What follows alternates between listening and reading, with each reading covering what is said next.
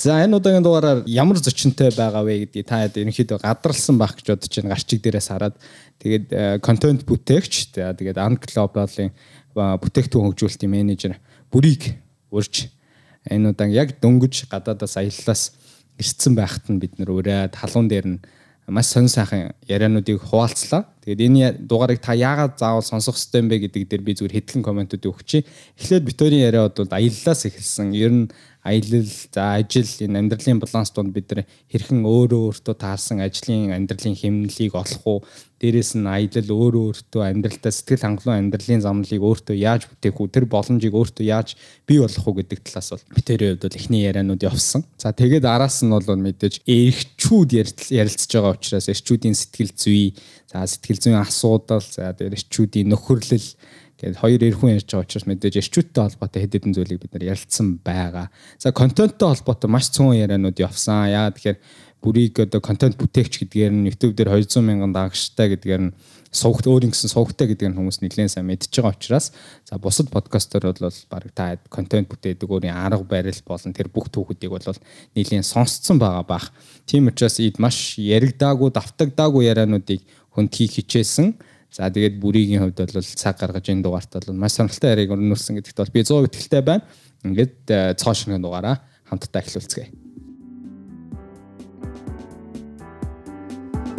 Сайн байцгаана уу ихэм сонсогчдоос Хэдэн подкастын цоо шинэ дугаар эхэлж байна 146 дахь дугаар. За тэгээд энэ удаагийн дугаараар хэнийг өрснэг манайх харж байгаа. Бүрийн маань Монголд ирээд ер нь 24 цагч болоогүй. Болоог байгаа. Өчигдөр Токиогоос хэдэн цагт боосон? Өчигдөр чинь яг л 24 цаг болж байгаа юм. Яг л 24 цаг. За тэгээ ямар юм халуун дээрээ шууд студид чирж авчираад ингээд ярилцах гээд суулгацсан байж байгаа. Тэгээ бидний урилгыг хүлээж аваад хүрэлцээсэнд баярлалаа. Баярлалаа. Өнөөдөр ураад тэгээ шууд хизээ хизээ ихэг яваалаа ярьж ярьж заас шууд өнөөдөр хийчихв. Тэгээд өглөө шууд урилгаа гинтийн явуулсан. Тэгээ шууд хүлээж аваад шууд шаа гээ тэгээ шууд хийгээ сууж ин гэтээ. За яриагаа шууд ер нь Монгол охтууд өрх юм уу Япон охтууд. Тэр яриа яриагаар хэлээ. Харин би надад ч аюу бодож явсан юм Японоор аялж байгаа үед. Ялч Япон хотод хөөрхөн байгаад идэг. Тэгээ Токиод бол бүр ингээд үнэхээр хөөрхөн зав би бүр ингээд гайхаад Монголд ингээд гадуур гудамжинд алхаж байгаа үед би хэр баг дурлдаггүй. А тэгсэн чинь ингээд Токиоор явж байгаа өдөрт би ингээд 2 3 удаа ингээд дурлаад явж байгаа байхгүй. Дэм гэж бодод. Тэгээ ягаад Япон хотод хөөрхөн юм бэ гэж бодсон чинь нэгт бол ингээд бид нар ингээд генийх нь хувьд нь жоон том нүдтэй байт юм шиг л. Тэгээд миний type болонгууд нь том нүдтэй хүн баггүй. Нэг тэр нь ингээд матч хийж байгаа. За хоёрт нь гэх юм бол би нэг яг сүүлд анзаарсан. Энэ 100 би нэг Япон олны газар хоол хийж жагаад тэгээд Монголд хурж ирсэн байсан Японы айгүй алдартай эмэгтэй жүжигчнийг харсан баггүй юу. Одоо яг киноны жүжигч юу юу хийж ирсэн бол биш. Тэгээд тэр жүжигчнийг харсан чинь эхлээд анзаараагүй таниагүй. Уг нь ингээд Японд амар хөөрх харагдаад байдаг. Монгол хурж ирсэн чинь нөгөө л нэг Монгол хүн байгаа байхгүй. Тэгээ Монголын цаг агаар, Монголын уур амьсгал, тэгээ Монголын Улаанбаатарын энэ өнгө төрх бла бла юмнууд чинь ингээд ерхэд нэг жоохон нэг тийм хүнд нөхцөл байдал оруулчихсан юм байна л да. Японд байсан үед сонирхолтой зүйл нэг юм бол надаа ингээд тийш айгуу чиглэг орно те. Тийм болохоор ингээд хүн бооллынх нь арьсан гоё. Тэгээд хүнээс гадна ямар сандаа ингээд гадаа явж байгаа машинууд нь бүгдээрээ үнэхээр гоё өнгөлөг харагддаг зөө. Ямар ч тоос байхгүй юм чинь ямар сандаа ингээд аква хүртэл бүр супер машин шиг харагдаад байгаа байхгүй. Тэгээд тийм нөхцөл ингээд хүн чинь ингээд өсч төрөөд яхарч угаасаа бүх зүйл нь л ингээд тэ арьс марсаас нахуулаад айлс хувц сонромж ингээд сонголтууд нь их тэгээд хямдхан болохоор ингээд гоё цэвэрхэн байдаг. Тийм болохоор ингээд Япон хотод хөөрхөн харагдаад байсан юм бэл гэж бодоод онгоцон суваа мятанд. Онгоцон суусан чи баларс жижиг онгоц байсан дэр мят. Тэгээд э, хоёр эмэгтэй кабинетанд онгоцны өвчлөгч тэгээд нэг ихч байсан. Хоёр охин хоёул амар хөр байсан. Мят. Тэгээд нөгөө хоёр Мята охиныг харсч за ерөөсөө би шал буруу утсан. Монгол охтод л хөөрх юм байна гэж бодсон. За яагаад би ийм асуулт асуусан манай бүрийг Instagram дээр дагдаг хүмүүс бол сайн мэдчихэж байгаа бах энэ асуултыг яагаад асуусан учрыг барыг тайлбарлалтаангүй мэдчихэж байгаа хаа. За тэгээ сүүлийн би барыг 3 хоногийн өмнө чиний сториг харж хахад ер нь сүүлийн 2 жилийн хугацаанд 30 гаруй хотоор явцсан гэсэн тий. За 30 гаруй хот. Тэндээс хамгийн сэтгэл хөдлөсөн хот нь Киото гэсэн. Тэгэд ер нь за аль ч хот иж болно. Одоо хоёр хоёр гаруй жил чинь ингээд маш олон улсаар яваа. Тэр маш олон хотууд дээр явахад хамгийн сэтгэл хөдлөсөн хот нь Киото юм бол юугаар юм? Яагаад? Аа. Киото хот болгон нэг өөрсдийн гэсэн өнгөтэй байдаг шүү дээ ер нь. За Улаанбаатарын өнгө бол нэг нөгөө хэлэхэд яг миний хувьд саарл тэгээд шарахгүй. Тэгээ Киотогийн өнгө болохоор яг үнэхээр тийм байт юм бэл ногоон. тэгээ улаан. Энэ хоёр өнгөний хосол нь ингээд үнэхээр төгс харагддаг. Нов ногоон байгальтай газар уу улаан ингээд одоо Японы эртний сүмнүүд нь цогцлогдсон. Тэгээ тэр хоёр өнгөний хоршлон хоорондоо бүр үнэхээр төгс харагдаад тийм байсан болохоор би нөгөө постн дээрээ соёл болон байгалийн төгс зохицлоо гэж бичсэн байхгүй юу. Тэр чинь ингээд одоо жишээл юу гэдэг бид нар альва соёлыг зохицлох үед жишээл Улаанбаатарыг жишээ авахд барилга барьж байгаа шүү дээ. Энэ том хотод угаасаа барилга барьлаа гэж байгальтай зохицох нь ойлгомжтой. Гэтэ тэнд японочууд аль дээр үес хойш яг тэр төгс зохицод гэдэг зүйлийг хийгээ сурцсан тэрийг авч үлдээсэн байгаа байхгүй юу. Тэр нь үнэхээр гайхалтай харагдаад хамгийн үзэсгэлэнтэй гэх юм бол миний хувьд бол Кyoto юмсан хэвчээ. Өмнө ер нь за Япон болвол би бол одоо бүрийг бол Япон школтой гэж ойлгоод байгаа шүү. Э, яагаад тэгэхээр Япон хэлний орчуулагчаар бас ажиллаж байсан тий. LinkedIn дээр ороод уншингууд яг тэгж хадчихсан. Баг багтаа ер нь Япон хэлийг яагаад сурахаар болчихоо Монголдоо сурсан юм уу нөгөөд бол Япон улсад бас суралцж исэн юм уу тэр түүхээ Японтой холбогдсон түүхээ хуваалцвал манай ээж Японы багш байхгүй юу. Тэгээд э, тухайн үед 10 хэдэн жилийн өмнө ээж нэг судалгааны багт хамрагдахаар болоод хэл шинжиллээ. Тэгээд тэр багийнх нь үйл ажиллагаа нь одоо судалгааны ажил нь Японд болохоор байсан. Тэгээд би ч ээжтэйгээ хойлсноо байдаг. Хүү болохоор ээжигээ дагаад очиод тэгээс сурсан. Тийм л ер нь үүтэ нэг сурсан кейслүүдээр хүмүүс ингээд надаас яаж бойлтой болсон бэ? Яаж бой сурах вэ гэж асуугаад байдаг. Яг үнийг хэлэхэд бол би сурааг байхгүй. Хүүхд чинь тэгээд угаасаа заалгуултгүй шууд л ингээл тухайн орчиндөө тасаал сурчдаг шүү дээ. Тэгээ нэг ялангуяа би болохоор 9-өөс 11 насны хооронд байсан. Тэгээ дараа нь хожим сонсох нэ 9-өөс 11 нас гэдэг чинь хүний тархины хөлийг нь хариуцж байгаа хэсэг нь яг бүрэн гүйцэд боловсролдог насны юм билээ. Тэр насан дээр хүний их хэл гэдэг зүйл одоо үүсдэг. Тэгээ би яг тэр моментд Япон байсан болохоор хэл айгүй амархан сурцсан. Тэгээ дараа нь би юу гэж утсан бэ гэхээр хүүхдтэй болох юм бол яг 9-өөс 11 насны хооронд нь аль нэг усад цөлчих юм бол ер нь тэр хүүхд айгүй мундаг болох боломжтой билээ. Угаасаа хэл хийдэг чинь зүгээр л бүх боломжийг хэлж өгч байгаа байхгүй. Би өөрөө жишээл өнөөдөр Япон хэлгүй, за магадгүй англи хэлгүй, зөвхөн монгол хэлтэй баачка байсан бол одоо ингээд байгаа зэрэгээсээ бол бүр мэдгүй 5 6 дахин одоо бага орлоготой гэдэг ч юм уу те аль эсвэл ингээд өөрийнхөө амьдралдаа сэтгэл хангалуун бус гэдэг ч юм уу тийм байсан байх гэж бодоод байдیں۔ Тэгэхээр 9-өөс 11 нас бол яг хүүхдээ гадаад сурах нас хүн байсан юм байл шүү. Одоо чиний хийдэг одоо full time буюу бүтэн цагаар ажилладаг ажилчин болохоор And Global бүтээгдэхүүн хөгжүүлэлтийн менежер тийм. За хажуугаар нь болохоор YouTube дээр давхар ингээд өөр нэгэн контент хийгээд хэдэн жил болчихв? Одоо 2 удахгүй баг 3 жил болж байна. YouTube сүгнийг 3 жилийн дотор тэгэхээр 200 мянган дагагчтай болсон гэдэг чинь асар хурдцтай өсөлт үзүүлсэн байна те дагагчийн тоон. Тийм бас дэжгүй. Одоо чиний хувьд ингээд өөрийнхөө YouTube суваг дээр контент хийхин хажуугаар давхар ингээ анд глобалд ажиллангууд за ер нь нэг юм дээрээ л түлхүүн хүн төвлөрөх юм бол илүү үр дүн гарна. Бүтээлч байдал харьцангуй өндөр байна. Нэг л олон юм зэрэг хийгээд идэг. Олон туулаа хөөсөн хаасаа оцрон гэдэг шиг тийм яриа байдаг. Тэгээ сүүлийн үед чи ингээд одоо 2 жил ийм амьдрал юм лэр явсан гэсэн үг шүү дээ. YouTube бэнэ гээд 3 дахь жил рүү орж ийн гэж чинь 3 жил. Одоо нэг тийм бодол хаяа орж ич чинь Zand Global-аас гараад ер нь яг энэ YouTube сувг дээр нэг л юм дээр төвлөрий, нэг л юма барьж авъя гэдэг бодол. Үнэн үнэ. Гэтэ яг хамгийн ихний тэр сэдв нь юу юм бэ шүү дээ. Ер нь нэг зүйлээ хийх нь зөв үү, аль эсвэл олон зүйл рүү өсрөх нь зөв үү гэдэг. Миний бодлоор бол энэ стаж их нөгөө хөв хүний л өөрх нь хүсэл бодол байх. Би болохоор ингээд аль сонирхолтой амьдрахыг хүсдэг байхгүй юу? Have fun те. Ганцхан зүйлээ олон жил хийх бол яг миний зам биш байгаа даа. Нэг зэрэг одоо жишээл өдөрт ажиллаа хийгээд одоо YouTube-ийн ажлуудаа хийгээд аль эсвэл ингээд чонтой ингээд хоёулаа хамт ингээд ярилцаад эн чинь бас нэг өөр төрлийн ажил байгаа даа шүү дээ. Аль эсвэл одоо global shapers ямар нэг зүйл хийгээд ч юм олон зүйл ингээд давхар ээжж би тэндээс ас шаардлагыг мэдэрдэг. Тийм болохоор энэ амьдралын хэм маяг надад илүү таалагдаад байгаа байхгүй юу? Ягаад одоо За хүний амьдралд аягүй олон сонголтууд байгаа. Тэр сонголтуудаас алийг нь сонгох юм бэ гэдэг чинь хүн болгоных л өөрхөн preference байгаа. Жишээл би мөнгөний хөөх байсан бол би компанид бол ажиллахгүй. Би мөнгөний хөөх байсан бол цэвэр ингээд YouTube-ээр нүдээ тэгээд эндээсээ цаашаа өөрөө нэг бүтээгдэхүүн ч юм уу те гаргаж ирээ тэрийг ингээд дагч нартаа одоо зардаг ч юм уу те. Тиймэрхүү байдлаар ингээд арвчих боломж бол байгаа. Гэтэ тэрийгээ цаа одоо давхар нэг баг баг багаар ингээд хийгээд явж байгаа байхгүй. Тэгэхээр аль олон зүйл дуртай болохоор би тийм тийм замлал ингээд надад таалагдаад байдаг гэх юм уу. Сор би хоёр дахь асуултыг марчлаа. Үнцэн асуулт нь.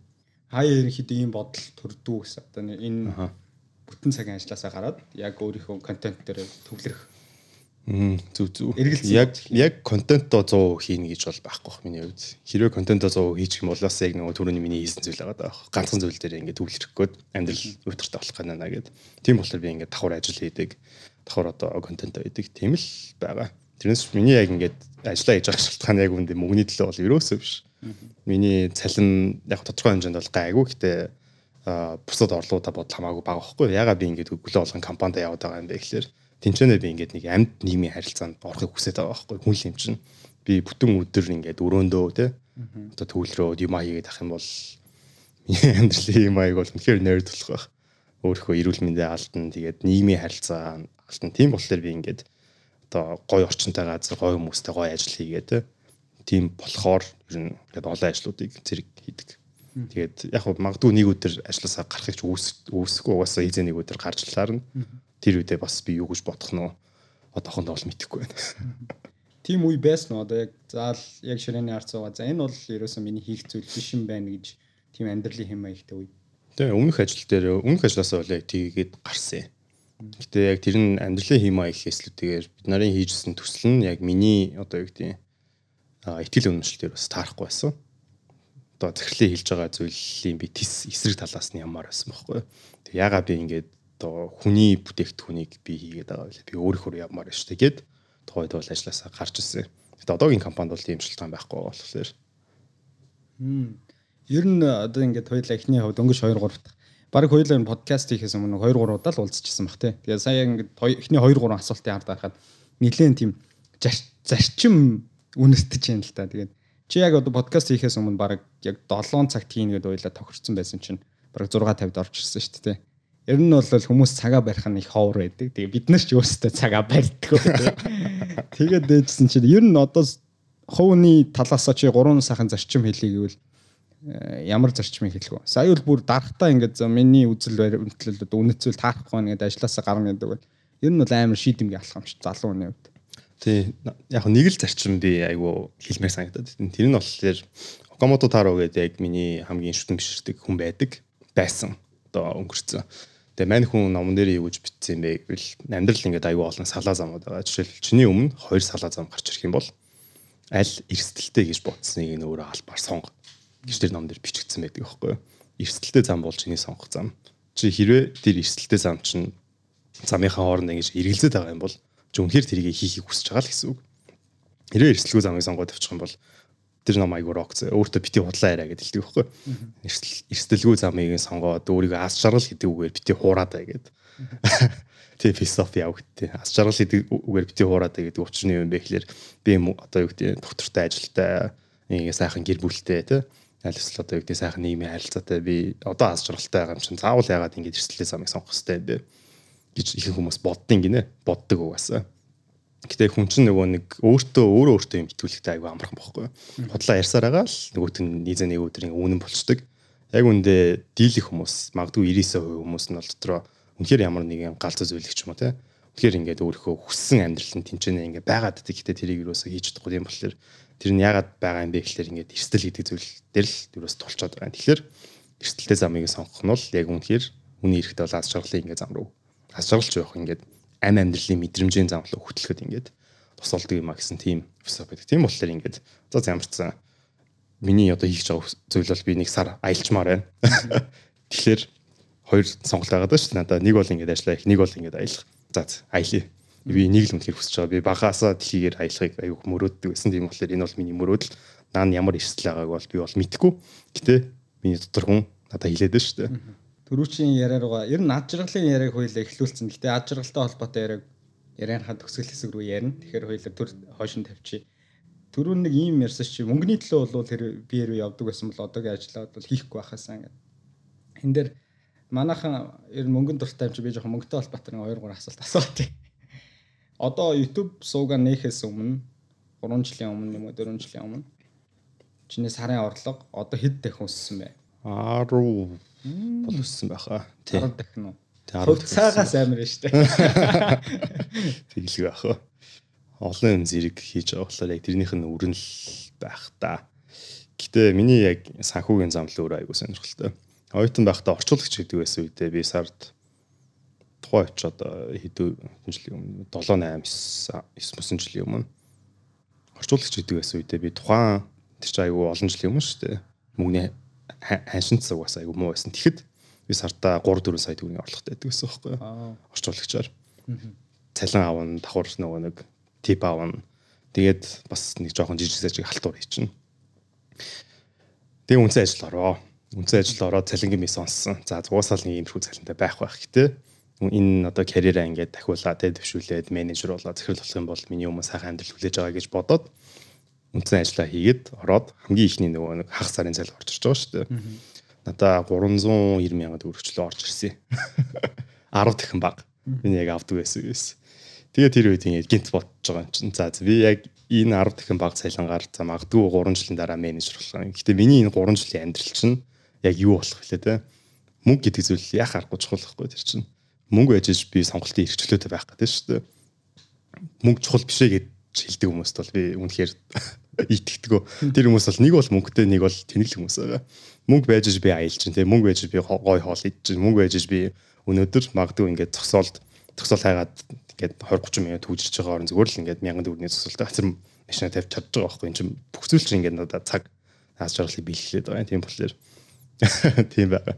Тэгээд яг 2 3 жил ажиллаж байгаа. Тэгээд гарсан шалтгаан бас яг төрөний шалтгаанаас гадна яг энэ компанид ингээд олон жил ажиллаа гэд би захирал болсонцсон айгүй их стресстэй ажиллах юм байна.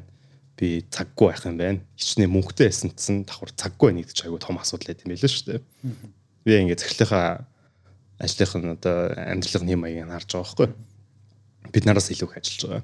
Тагс бүтсэн өдөр ингээд бусад одоо харилцагч нартайгаа ч юм уу те аль эсвэл ингээд гадны харилцагч нартайгаа ингээд уулзаад явна ямар цаг байхгүй тэр мөнгөтэй мөртлөөсөө тэр нэг хамгийн том асуудал болоо. За ямар ч сан энэ компанид би ингээд удаж бол болохгүй юм байна. Удлаа гэдээ надад ирээдүй байхгүй юм байна. Тийм болохоор ямар ч сан компаниас солио гэд.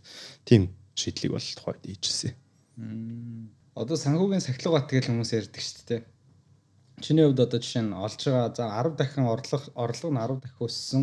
Дагаа зарлага нь ойролцоогоор хэдэн өссөн бэл зарлага 2 3 дахин өссөн байхаа. Тэр бас арцсангуу гайгүй шүү дээ. Тийм бас гайгүй. Тийм. Гэтэ яг нэг том зүйлүүд сүүлийн үед их аваад байгаа л да. Жишээ нь нууц шал. Сайхан камера шинжилээд. Тэр бас нэлээд үнэтэй худалдаа авалт байсан. Тэр чинь гэхдээ амар том хөрөнгө оруулалт юм шүү. Чиний одоо хийдэг ажилтай холбоотой. Тий, хөрөнгө оруулалт гэж өөртөө итгүүлээд авсан байгаа. Тэрнээс яг одоогийн миний хуучин миний камер бол ямар ч асуудалгүй. За за окей. За ямар ч гэсэн тэгвэл угаасаа л оюутан байхаас чинь одоо side hustle буюу хүмүүс одоо юу гэнэ олон юмыг зэрэг хийж одоо мөнгө олох гэх юм уу. Тэр ийм зүйлийг бол оюутан байхаас ерөнхийдөө өөртөө бол дадал хөвшил болгоцсон юм шүү дээ тий. Нэг ажлын байран дээр гараад зарим хүмүүс санхүү надад амар том дарамт байсан учраас би зайлшгүй тэр өвдөлт байсан тэр өвдөлтийг би давахын тулд энэ олон зүйлийг хийж эхэлсэн гэдэг нэг түүх яригддээ шүү Миний хувьд болохоор чиний зүгээр саяны асуултан дээр хариулахаар оюутан байхасаа л ер нь өөрөө өөрийгөө болгоё гэдэг тэр хандлага байсан учраас өнөөдөр ингээл олон зүйлийг олон зүйл гэж яриад байгаа. Нэр орлогын их усүр энэ асуугаагүй юм шүү. За хэд хэд вэ нэ тоон? За яж би яг ихний юун дээр бас нэг жоохон ярмаар санагдлаа. Гэдэг нь надад бас өвдөл амар их байсан байхгүй. Тийм болохоор би орчуулагч гэдэг байсан байхгүй. 10 жилээсээ би үнэхээр их өвддөг байсан манай гэр бүл түрүү хэлсэн шиг ээж бит хоёр л ойлнаа байдаг. Тэгээд э, ээж хувийн сургууль багшилдаг байсан болохоор намайг бас одоо багшийн хөнгөлт мөнгөлтөр хувийн сургуульд оруулсан. Манай ээж бол миний боловсролд аягүй хөх тухай үед анхаардаг байсан. Тэгээ хувийн сургуулийн хүмүүсийг хараад ахаар ээж аав нь ингээд гой машинтайгаа тосч байгаа байхгүй юу. Хүүхдийг хөргөж өгөө те. Би болохоор ингээд микрон суугаад микрээс ингээд автобусаар ингээд дамжаад айгүй зовдөг байсан тухай үед. Гэтэ манайх тийм одоо юу гэдэг би өсөж бол үзээгүй маш их баярлдаг нэг зүйл нь би хизэж үсэж байгаа. Гэтэ би хизэж нэг тийм хүүхдүүдээс ингээд илүүрхэж байгаагүй байхгүй ингээд флексж байгаагүй.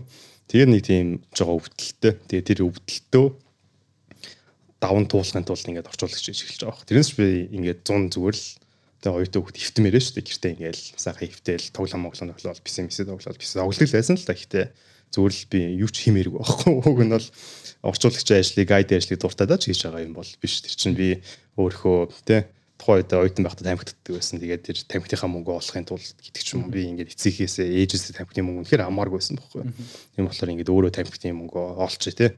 Өөрөө ингээд гуанзанд бишги MCS биш гулааш сүтэ цаав гэж бодоод тийм нэг жижиг жижиг одоо юу гэдэг өөрийгөө өөрийгөө баярлуулад нэг тийм ялсан мэдрэмж авахын тулд аягүй ажилладаг байсан. Тэгээд буцаад орлогын их үсрийн асуулт руу орох юм бол за ямар ч сан үнцэн ажил маань байгаа. Тэгээд YouTube-ийн орлогууд байгаа. YouTube-ийн орлогууд руу хоёр багтдаг. Нэг нь Google AdSense буюу Google-ээс орж иж байгаа мөнгө, цаанаасаа гаднаас орж иж байгаа мөнгө гэсэн. Тэгээд нөгөөх нь олонгууд нь компаниудын спонсоршип. Тэгээд заримдаа л нэг Instagram дээр нэг ажлын салгууд орж ирдэг. Тэгэхээр энэ дүүртгэн болж орж ирж байгаа. Тэгээд энэ тэнд бас хаяа лекц юм айл эсвэл хилцүүлэгт ордог. Kinda нэг инфлюенсер магийн ажил гэсэн үг. Юу лээ 4 5 юм 6 атгана. Тэгээд одоо давхар нэг ном тун удахгүй орчуулгаас орчуулгын дуусаа тэгээд гаргах гэж байгаа. Тэгэхээр тэр нэмэгт юм бол дахиад нэг нэмэлт болж орж ирж байгаа. Энэ бол нэлээд олон биш үү? Тийм. Тэгээд эн чинь юу байд юм бэлээ? Надаа яг ингээд нэг санагдсан зүйл нь болохоор хүн олон орлогын их үсэртэй болохоор сэтгэл зүйн хувьд аягүй амар болчтой юм бэлээ. Тэр нь ингээд одоо юу гэдэг би нэг тийм мөнгөтэй юм бол биш яг мөнгөтэй ах нар яаж бол үеийнхэндээ гайгүй боломжтой явж байгаа. Юу юу байд юм бэлээ? Ингээд нэг ажил хийдэг байсан үед би би хуучин ажиллаа хийдэг байсан үедээ аягүй дарамттай байдаг гэсэн байхгүй юу? Ажил дээр. Манай ажлын хамт олон бол аягүй nice. Би ерөөсөө муухай хүмүүс гэж бол хэлээгүй. Гэтэ би өөрийнхөө үзэл бодлоо одоо юу гэдэг үзэл бодлоо өөрийнхөө зарчимдаа ингээд үнэнч байгаад магадгүй нэг манай багийн бүх хүмүүс буруу гэж бодож ирсэн гэсэн миний зөв гэсэн зүйл байгаа шүү дээ. Би тэрийг баттай хэлхийн тулд би сэтгэл зүйн аюулгүй байдалтай байх хэрэгтэй байхгүй. Би энэ ажлаас хаалгатлаа гэдэг ч юм уу те магадгүй биний цалин өсөхгүй байлаа гэд яах вэ гэж бодох юм бол хүн хүссэн зүйлээ хийх гэдэг аахгүй өөр ажлын байран дээр. Тэгээд тэр л зүйлийг аюу хоолох тийм л магадгүй би одоо өнөөдөр өөрөө яг үнцэн ажил дээрээ би үнэхээр л өөрөө хүссэн зүйлээ хийдэг.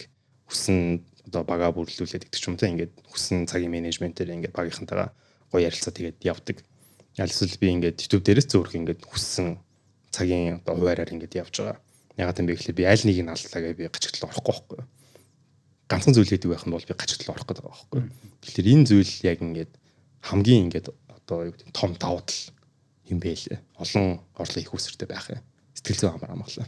Тэгээд түрүүнд чи нэг флекс ингээд за Монгол руу орчвол нэг илүүрх нь бусдаас жоох илүүрх нь гээд за баг насандаа ч гэдэм оюутан байхдаа тиймэрхүү зүйлийг хол байсан. За одоо тэнгүүд тэр үеэс 10 гаруй дах 10 гаруй илүү баг орлоготой болчихж байгаа. Үеийнхэн дундаа бол нэлээд хөдөлмөрч тэр дундаа бас өөр гэсэн санхүүгийн байр суурь баттгаад явж байгаа залуугээд заримдаа жоохон ингээ илүүрхмээ санагдах тэр мэдрэмж одоо ингээ төрдөг үү? Байхгүй шүү дээ. Айгүй. Ерөөсөө байхгүй. Ерөөсөө байхгүй. Ирээ би илүүрхмээр байсан бол гэдэг гүчигийн готлон өмсөл тэ. Тэгэл явж байгаа шүү дээ. It's bullshit. Илүүрхлээгээд хожих юм ч байхгүй Тийм, аюу сайн шүү дээ. Энэ ихтэй бусдаас дутлаа гэдэг ч бас нэг халдах юм байхгүй бах. Тийм шүү дээ, яг үнэ. Тэр чинь нөгөө хүн болгон өөрийн гэсэн хурдтай явж байгаа байхгүй. Бид нар тэрийг юусоо мэддэггүй. Жишээлбэл одоо үеийн гапэр авсан хүмүүс ингээд юу зовд юм бэ гэхэлэр гапэр авчаа сургуулаа төгсчөөд алитин ингээд тий хамт 10 жилийнх нь алитин ингээд компанид орцсон морцсон тэрнээсээ ингээд аюу стресстэй байдаг гэдэг ч юм аль эсвэл хүүхдтэй болцсон эмэгтэй хүн хүүхдээ хараад 2 3 жил арчлаа ингээд хамт ажиллаж ирсэн хамт орсон тэр ажлын охтууд нь алхтын ингээ менежер болсон. Тэрнээсээ ингээ айгүйх стресстэй байдаг. Гэтэ хүн болгон өөрийн гэсэн цаг хугацаатай. Бид нар ингээд өрсөлдөөнд ингээд орсон юм шиг өөрсдөө бодоод байт юм байлээ. Нэг ингээд гараанаас эхэлдэг. Одоо магадгүй нэг 100 км ингээд өрсөлдөөн ч юм уу те. Тэгж бодод. Гэтэ амьдрал чинь бол өөштэй тэр чинь ямар ч амьдралд ямар ч барай итгэх зүйл байхгүй, ямар ч гол байхгүй. Тийм болохоор зүгээр л өөрийнхөө урттай яваад өөрийнхөө хүссэн зүйлээгээд хамгийн гол нь өөрөө өөртөө сэтгэл хангалуун байх нь чухал болохоор тэгж л боддог. Өөрөө өөртөө сэтгэл хангалуун байх гэснээс нэр одоо яг чи өөрийнхөө ингээд амьдарч байгаа амьдралд 10-аас нэг оноо гэх юм бол хэд гэдэг оноо хөө 10-аас 10 гэж үгээд. Тэгэхгүй бол миний ярьж байгаа зүйл чи бүгд тэр худлаа болох гэдэг шүү дээ. 10-аас 10 гэдэг чинь зөө сэтгэл ханамжтай гэсэн шүү дээ. Одоо амьдарч байгаа амьдралдаа. Би яг үүнээс лавлж юм асуух гэдэг юм л та. Сүүлийн үед өчигдөр би яг найзтайгаа бас яриа суудсан. Уцаар яриа суудсан. Тэгээд би өөр дөрөө одоо чинь сүүлийн үед мэдрээд байгаа зүйл нь сүүлийн үед ч явах та нэлээд бас уртуудаа хугацаанд мэдэрч байгаа зүйл нь юмд ханхаа байчих л тээ. Ямар нэг юм болонгууд ингээд за одоо чинь энэ альбан тушаалт би ингээд хүрэндээ гэж хоёр жилийн өмнө хүсэж байгаа л хүрч хүрцэн байдаг. За би яг энэ нэг санхүүгийн зорилготын тоон дээр очиндоо гэж нэ очичдаг.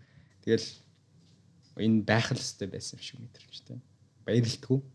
Тэгэл дараагийнх нь юу илээ гэл ингээд тэр нэг талархаж байгаа чиний сайн хэлж байгаа шиг амьдрал ямар гоё юм бэ сэтгэл хангалуун байж тээ гэж ин бардам тэр хэлхээс илүү за дараа нь юу л гэж дайраад идэг тийм хэмнэл рүү тээ Тэгэхээр чи амьдралд ингээд нэг хэр хандаг вэ одоо жишээ нь. Сая одвол заа ингээд нэг өөртөө зориг тавьж байгаа л оны ихэнд чи нэг зориг тавьсан л ах л та. За эндээ хүрчлээ. Хэр тэрийг тэмдэглэж хэр тэр амжилтаа ингээд өөртөө ингээд чи чадлаа штэ гэж ингээд чин сэтгэлээс үнэхээр ингээд догдолж байна. Хм. Агуу сонирхолтой асуулт байна. Заримдаа ингээд боддیں۔ Унтахаас өмнө ч юм уу. Айгуу гоё амьдарч байгаа юм байна гэд хүсэн зүйлээ хийгээд тэр үедээ айгуу гоё мэдрэмжийг авдаг. Тэгээд яг 50-агийн ингээд проблем болохоор миний би сайн мэдгүй байна л та. Гэтэ миний бодож байгаагаар бол ингээд зорьсон зүйлдээ тэрэндээ яг өнгөрсөнд бол хүрсэн. Гэтэ ирээдүйд дахиад шинэ зорилго гараад ирсэн байгаа. Тэр шинэ зорилготой хүрээгүй дээ. Ер нь бол стресстэй байгаа шүү дээ. Гэтэ би бол 50-аг тэр шинэ зорилго руугаа тэмүүлж байгаа гэдгийг бол итгэж байгаа байхгүй. Угаасаа тэгж л байгаа. Тийм болохоор трийгээ бодох нь айгүй чухал юм шиг. Миний хувьд бол жишээл би түрүү нэг хальт ингээд 10-аас хэдэлээгээд эргэлцсэн шалтгаан нь болохоор яг ингээд надад хүрээгүй зүйлүүд бас байгаа. Энд дээр зөндөө байгаа. Бүр үнэхээр их байгаа. Хүрсэн зүйлүүд нэг иймэрхүү байх юм бол хүрээгүй зүйлүүд бол бүр ингээд маш том байгаа даа байхгүй. Гэтэ би тэр хүрээгүй зүйлийнхаа төлөө өнөөдөр ажиллаж байгаа амьдарж байгаа болохоор за би ямар ч нэг алхам хийцэн байна, хоёр алхам хийцэн байна. 100 алхам дундаас би ядаж ганцхан алхам хийцэн байгаа мэдж байгаа болохоор тэнд сэтгэл хангалуун байгаа байхгүй. Хэрвээ би одоо юу гэдэг юм тэр 100 алхмын тэр аяллахаа нэг ч алхамаа хийгээгүй байсан бол ингээд fuck болоогүй шүү дээ. Ерөө сэтгэл хангалуун биш байна. Амьдрал уйтгартай байна, ас жаргалгүй байна, зовлонтой байна, стресстэй байна гэж хэлэх байсан байх. Гэтэ ганцхан алхам алах юм бол тэр чинь мөр шал өөр байхгүй. Ядаж хийж эхэлж байгаа бол тэр ямар нэг хүрх зэгтэй гэдгийг мэдээд байгаа байхгүй. Тийм л айгүй том зүрх байдаг. Тэгээд заримдаа яг хүн болгоныг тулгардаг асуулт нь болонгот нь асуудал нь болохоор жишээл ингээд ажил дээр айгүй олон тасктай болцсон. Тэгээд тэр таскуудаа бодоод л хүн чинь ингээд шалаад идэв шүү дээ. Ерөөсө гартаа ингээд хийж байгаа зүйл байхгүй. Надад ч заримдаа тийм асуудал тулгардаг.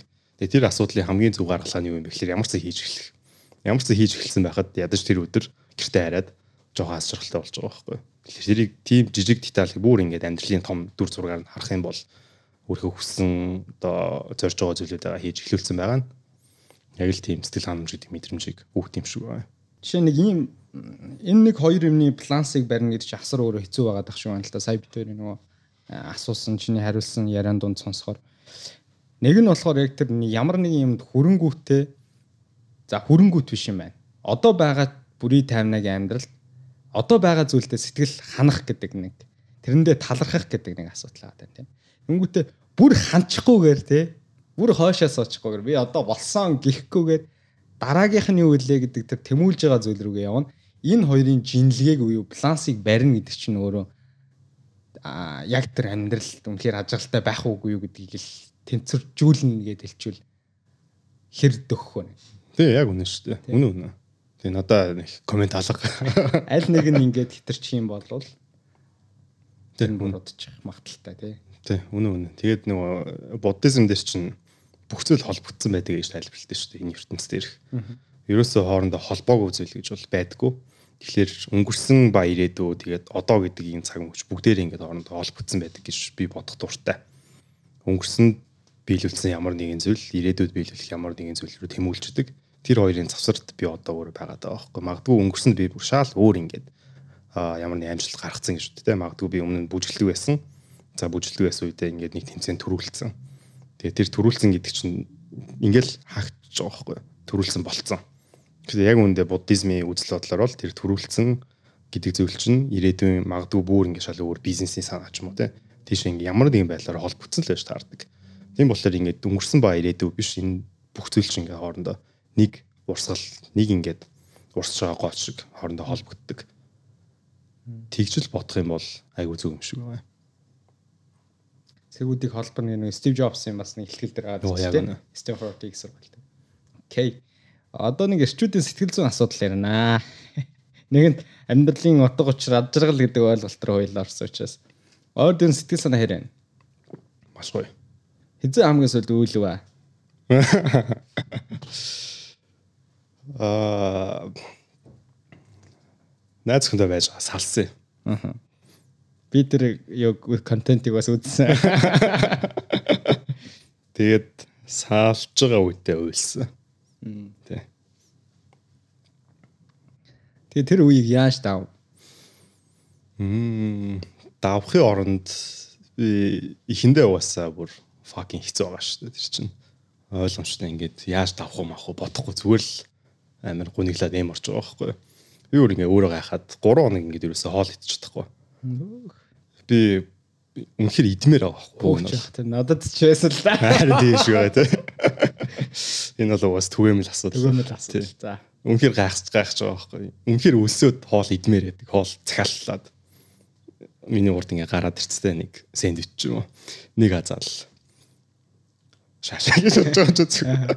Тэгэл нөгөөдхөө идэггүй хаяал тэгэл дахиад жоо үлсэж байгаа бол CVS нэг хоол авчидэл ерөөсө болдгоо. Нэмэх байдлаа байж байгаа. Тэгээ би зүгээр зүгээр л энэ моментыг айгу тийм enjoy deal гэж дотроо шийдвэр гаргахыг хүссэн. Тэгээ бүх зүйл чинь айгу сонирхолтой шийдвэр гаргалт байт юм байлээ.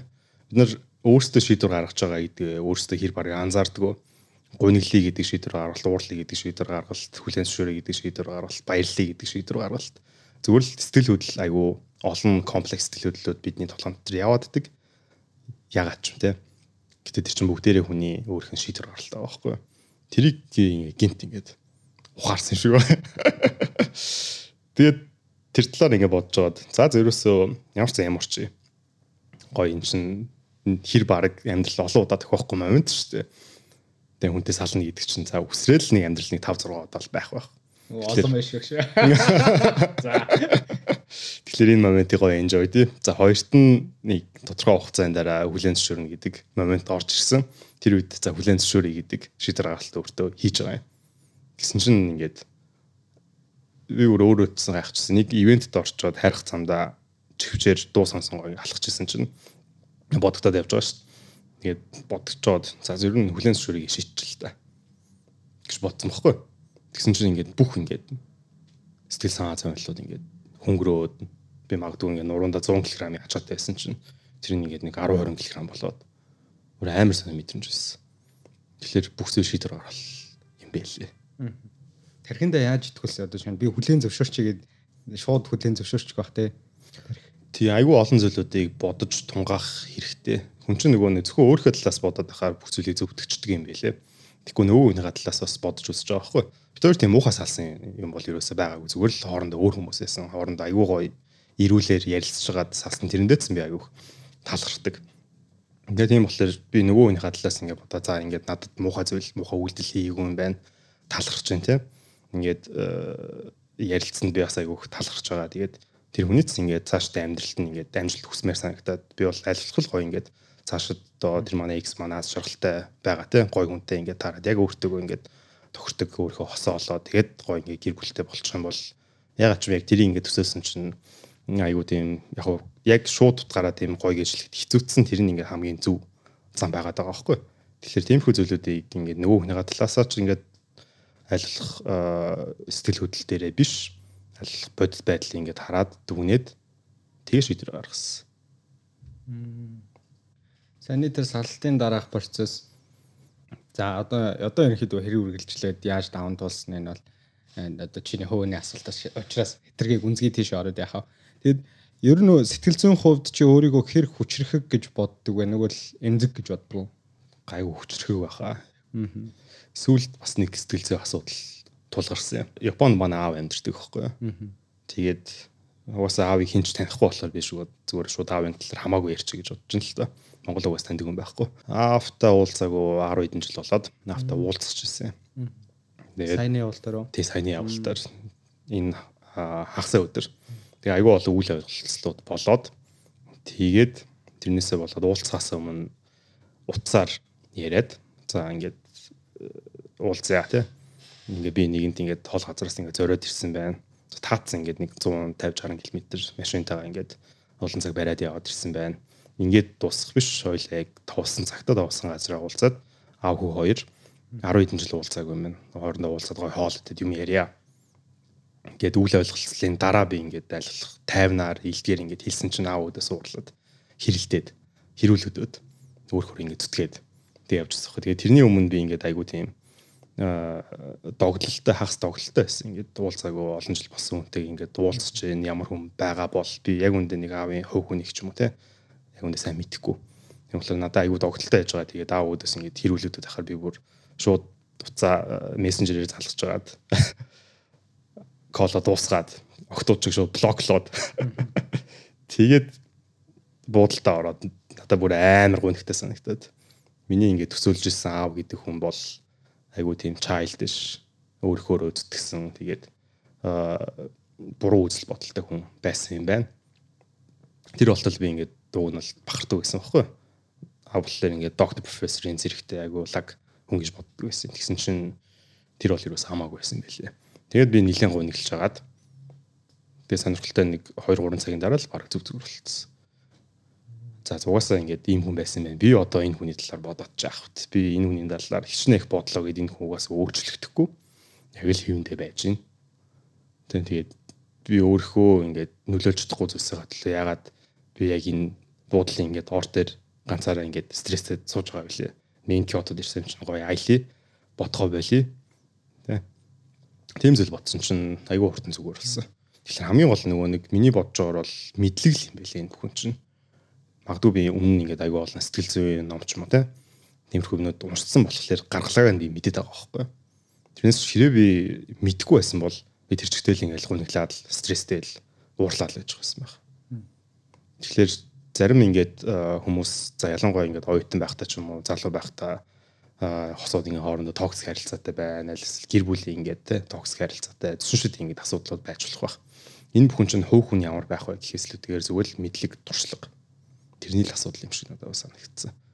Тэгэхээр зөв мэдлэгийг зөв газраас нь олж аваад тэрийг өөртөө зөв шингээж чадах юм бол сэтгэл зүйн үед бол аюу хүчрэх байх боломжтой. Дээрээс нь бас хүлэн зөвшөөрөх юм байна л да. Чи чиний сая сүүлийн хоёр асуултанд чи яг бүр хүлээн зөвшөөрсөн чинь л ингээл бүх юм үнэхээр сайхан зэгцрээд ингээд тайвшиж тайвшрах мэдрэмжийг авсан гэж илчлээ. Тэгээ хүн яг хүлээн зөвшөөрнө гэдэг нэр бүх одоо бүрий тохиолдсон үйл явдал, тайвнаа тохиолдсон үйл явдал тэрийг тэгээд яаж хүлээж авах уу гэдэг тэр хүлээн зөвшөөрөх хандлага асуудал өөрөө үнэхээр өөрчилж чадахгүй бол те. Хүлээн зөвшөөрнө гэдэг чинь амар чухал юм байна. Тийм шүү дээ, яг үнэ шүү дээ. Яг түрүүний хэлсэн шиг өөрөө өөрчилж чадахгүй бол гэдэг чинь амар чухал нэг өгүүлбэр байгаа байхгүй ч тий. Хоёрхан цаг яг стресс байж болж байна. Гэтэл хүлэн зөвшөөрсөн. Ааргаад өөрчилж чадахгүйгаас шахах. Тий, яг үнэ. Өөрчилж чадахгүй гэдгийг л бид нэр аягүй сайн бүр ингэ мах цусандаа шингээж ойлгох хэрэгтэй юм бэлээ. Өөрчлөх гэдэг байгаа байхгүй хамгийн том нийтлэг алдаа нь болохоор би магадгүй ингээд өмнө өрчижсэн найз өхнө ингээд өөрчлөх хүсэл надад байсан байгаа болохоор би зовоод байсан байхгүй Би магадгүй аавыгаа ингэж өөрчлөх хүсэл байгаадс болохоор би тэнд ингэ стресстэй байсан байхгүй. Угаасаа л өөрчилж чадахгүй юм чинь те.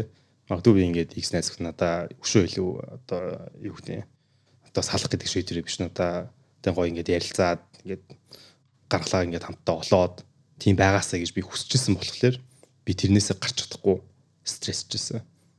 Ингээл славта болонгууд нь манай аав ийм одоо childish үзэл бодолтой биш. Яг том хүний зарчмаар би бинийг хүндлээд ингээд цаг гаргаад уулздаг хүн байгаасаа гэж би тухайн 2 цагтаа ингээд бодоод шаналаад стрессжсэн болохоор би тэрийг давж чадахгүй нэг цаг 2 цагийг туулсан юм шиг байна.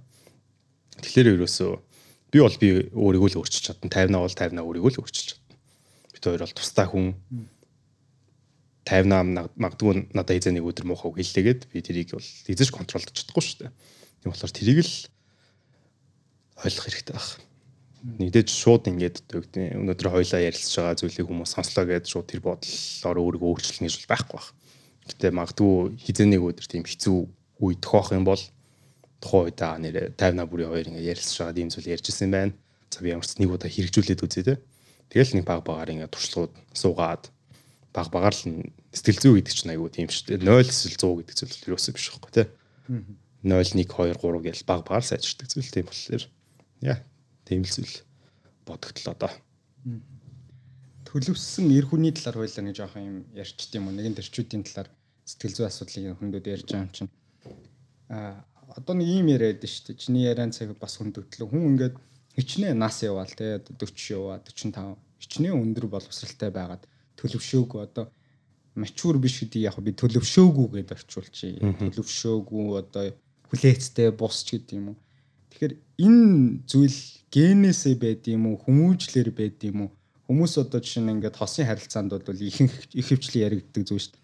А энэ бол жоохон mainly буюу чи ингээд аль үжид томоочсон, төлөвссөн эр хүн шиг чи мэдрэмж өгдөг гэл охид бүсгүүчүүд болцож байгаа залуудаа тэгж хэлээд чи ер нь амьдралд илүү тийм төлөвсөн үнийг л хайдаг шүү дээ одоо чинь гэр бүл болох гэж байгаа бол чиний хувьд зүгээр юу гэж бодож байна тэр энэ ген юм уу? Хүмүүж хэлв яг үнийг л мэдэхгүй байх шүү яаж томоож тийм үнэхээр мэдэхгүй байна.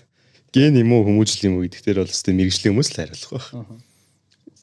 Хүмүүжил гэж би бол боддог. Сая бол боддог гинэ яг тэгж бодогдлоо сая бол. Яг саяны асуулт төр би аавыг бодож байгаа байхгүй За яг аавын генер бол би бол тийхгүй юм байна гэдгийг шоо бодоод за энэ ерөөс хүмүүжил манай ээжийн хүмүүжил юм байна гэж бодогдсон. Тэгээ тэгэхээр хүмүүжил бол яг аргагүй номер 1 чухал зүйл. Тэгээ жишээлбэл бид нар өөрсдөө бодоод үзээ л та. 10 жилийн найзууд, оюутан ангийн найзууд аль эсвэл тэгээ миний хувьд болонгууд нэг хамт бүжилдэг байсан найзууд маань ямар хүн байсан. Би тэр хэдээс л ингээд үлгэр жишээ за үлгэр жишээ ч авдаг байсан л да айгу нэг л байгаль урууд тэтгдэг байсан. Гэтэ тэр хэдийн за характер надад аюух нөлөөлсөн бохгүй юу? Тийм болохоор ингээд тэр чинь бас нэг төрлийн хүмүүжил шүү дээ. Хүмүүжил гэхэлэр бид нэр заавал нөгөө эцэг ихтэй нэг холбож удаад байдаг. Гэтэ хүүхдийн хүмүүжил баг дийлэх хувь нь бол хүрээл ах тийм. Хүрээл найз нөхдөдөөс л үрдэх. Тэгэхээр найз нөхдөд ямар хүн байна? Тэрийг л даах бах та. Одоо эрчүүдийн нөхөрлөл одоо чи харцангоо одоо контент хийгээд бас юм чинь олон дагагчтай, олон танигдчихж байгаа шүү төссөн үсээгүү те. Хүмүүс мэддэг болчихж байгаа шүү. Тэгэхээр хууч одоо багын найз гэдэг юм уу нөхөрлж явсан найзууд одоо чамайг контент ерөөсөө хийдгүү. Тэр найзууд дунд л мэддэг байсан бүрийгээс ерөнхийдөө хэр өөрчлөгдсөн тэр хуучин нөхөрлөлүүдтэйг одоо нөгөө уулзаж учрах нь багасаад алдагдсан тохиолдлууд ер нь байгаа юу чи өөрийн буруугаас. Байхгүй байхгүй. Юу ч байхгүй. Би одоо ингээд энэ дээр тэ энэ подкаст нэр би үнэхээр зөв хүн шиг байгаа заа маш зөв зүйлүүдийг л ярьж байгаа та бүхэнд найзтай бол эдэж тийм байхгүй шүү дээ хэвээ би бинийгаа харааж өрөөгөл жок мок хийгээл тэгэл түлхэж унгаагаал тэгэл хайфан хийгээл явж байгаа байхгүй тэгэхээр тийм л байна найзууд чинь бас чамааг одоо ингээд контент хийгээд ингээд бас тодорхой хэмжээнд олон танигдаад ирэнгүүт бас хүлийн зөвшөөрч чаддаг найзууд байгаа бах тий. Чи өөрчлөгчлөө гэл хүмүүс бас нэг хатах гэдэг тохиолдлууд байдаг шүү дээ. Зүг зүг. Тий гайгүй гайгүй тий тийм юм ерөөсөө байхгүй. Би угаасаа өөрөө ерөөсөө өөрчлөгдөв юм чинь. Тий би хэрэг өөрчлөгдсөн байвал ингээд найзтайгаа пив уухгүй тий ингээд чи буруу гэл. Ном унш гэл найзтай. Тэгэл байсан байх. Тэр номыг чи унш гэдэг. Тий. Эзэж тийм ярьж байгаа. Яг л тэний тэнийг зүйлээ яриад л хөвжилж идэг. Тийш тойло байж ал канте тартас тий. Зүуд ч юм уу. Яа, ер нь хэр зодоо идэг үгдсэн. Ойтон бахта ч юм уу. Зодон цохоо хэр хийжсэн. Нэ хийдэг байсан. Айгу. Айгу. Тэгээ ер нь айгу юу байсан юм а. Би 10 жилдээ 10 жилийн хандаага нийлдэггүй оюутан болоод ч оюутан ангийнхантайгаа нийлдэггүй хөвгтэйсэн. Угаасаа. Тийм болохоор тэр хэдтэй нийлэхгүй байхаар тэр хэдтэй нийлэх юм бол танилцах үдшилэг мүдшилэг шинжилгээл битээ зодон болж байгаа шүү дээ. Ачаар би нийлдэггүй байсан болохоор нэг тийм асуудлууд л орооцолдог байсан. Бол бүжгийн хит тэгэл байнга нийлээд явждаг гэсэн 10 жилээсээ бүжилж эхлээд бүжгийн тухайн үед бол манай ах нар болж яг манай сургуулийн 3 ангиар дээд ах нартайгаа аюух нийлдэг байсан байхгүй. Тэгээ ах нарын дүү болохоор угаасаа хийж намайг үдэхгүй. Оюутан болоод оюутан анги ч нэг тийм дээрлэгч мэрлэгт юм угаасаа байхгүй болчтой шүү дээ. Тийм болохоор зодоо модоноос л аюу хол байсан. Айгу цөөхөн тохиол байсан. Гэтэ тэр бол жоон санаандгүй байдлаар. Одоо эрчүүд бидний нэг гол гаргадаг алдаа нэг уур уцаар аваад байдаг шүү дээ. Уур уцаараа өдөртөж чадахгүйгаас болоод ч юм уу. Тэгээд тэр тохиолдолд нэг зодон цохоо хийж гээд ч юм уу хүнтэй муудалцах гээд муудалцчих гээд Тэгэхээр чи хэр их уур уцаартай хүн бэ? Уур уцаараа ер нь яаж удирддаг вэ? Мм, ер нь гайгүй те. Нэг амир уурлаад байх шалтгаан миний амьдралд байдгүй болохоор тэр аюу нөлөөлдөг байх. Би магадгүй сонио сонио хүмүүстэй нийлээд явдаг ч юм уу альсэл за ер нь альсэл ч дээ. Ер нь сонио хүмүүстэй нийлэхээр л асуудал ороод идэв шүү дээ. Уур муур зарлаад. Ингээ хаа ингээд инстаграм дээр хүмүүс амтны ингээ стори хардаг ч юм уу Тэгэхээр ингээл баах ингээл асуудал битсэн хүмүүс гэдэг шүү дээ. Ямар ирсэн юм бэ? Ирсэн бэ? Энтрэл хин нэгтэй ингээл хэрэл үүдж мүтгэл тэр хүмүүсийг харахаар за болилтоо өгш наа чи ер нь тэгэл чиний өөрийн чил асуудал шүү дээ. Чи өөрөө тийм хүмүүст нийлээд байгаа болохоор стрессж байгаа болохоос биш. Зөв хүмүүстэйгээ тий. Зөв гэдэг нь бол ингээл ном зам уушдаг гэдгийг бол ерөөс хэлэх зүгээр л тийм эрүүл хүмүүстэй за эрүүлчихсэн юм байна зүгээр л нэг нэгнийгээ хүндэлдэг хүмүүс л юм байна ерөөсөө. Тийм хүмүүстэй нийлээд байх юм бол угаас тийм асуудал гарч ирэхгүй. Тэгээд би хаяал нэг ганц жилдээ нэг ганц хоёр удаа уурлал уурлан тэр уурлах нь юунаас болд юм бэ гэхлээр хин нэгэн миний дотны ч юм уу миний хайртай хүнд нэг муухай зүйл хэлдэг ч юм уу аль эсвэл тэрийг нэг үддэг ч юм уу. Тэгхийн бол уур хүрдэг байх. Тэрнээс ч өөртөө бол хин нэг намайг юу гэж хэлнэ үү тань комент дээр хараа нуу ямар сони ярьд юм бэ гэж бичнэ үү тэр мэр бол юусан ямар ч стресс болтгоо. Оронд нь одоо жишээл юу гэдэм би зөвшөнтэй подкаст хийгээд сүүл бас би нэг найзгаа оруулсан. Тэгсэн чинь маа найзын тэр юун дээр комент нэр айгүй олон хүмүүс ингээд сүрэгтэл бичсэн байхгүй. Одоо ярианы хэм маягаас нь болоод. Тэрийг харсан чинь надад тэр үе жоо уур хүрчээсэн.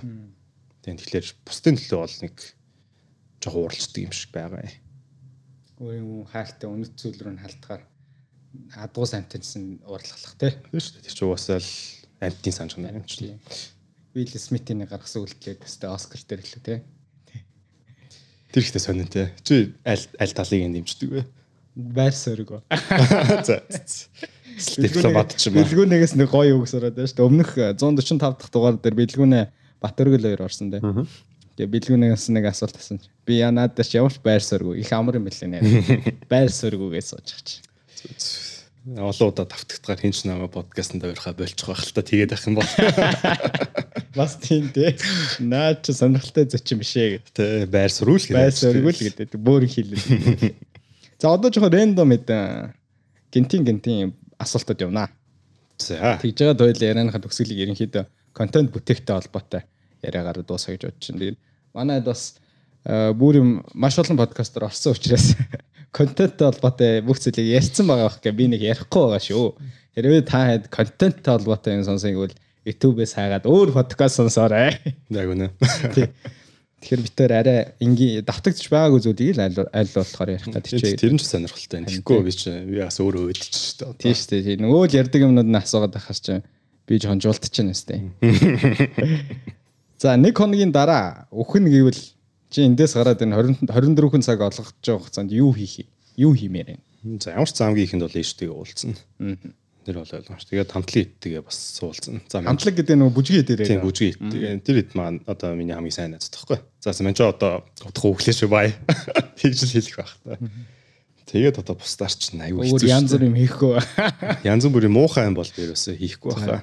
Нэг ч нөгөө япон шоколадтай болохоор бусдад төв удахгүй байх гэдэг бол байх гэдэг шүү дээ. Бусдад төв удахгүй байх гэдэг бол миний бүр мотто философи манай байгаа байхгүй.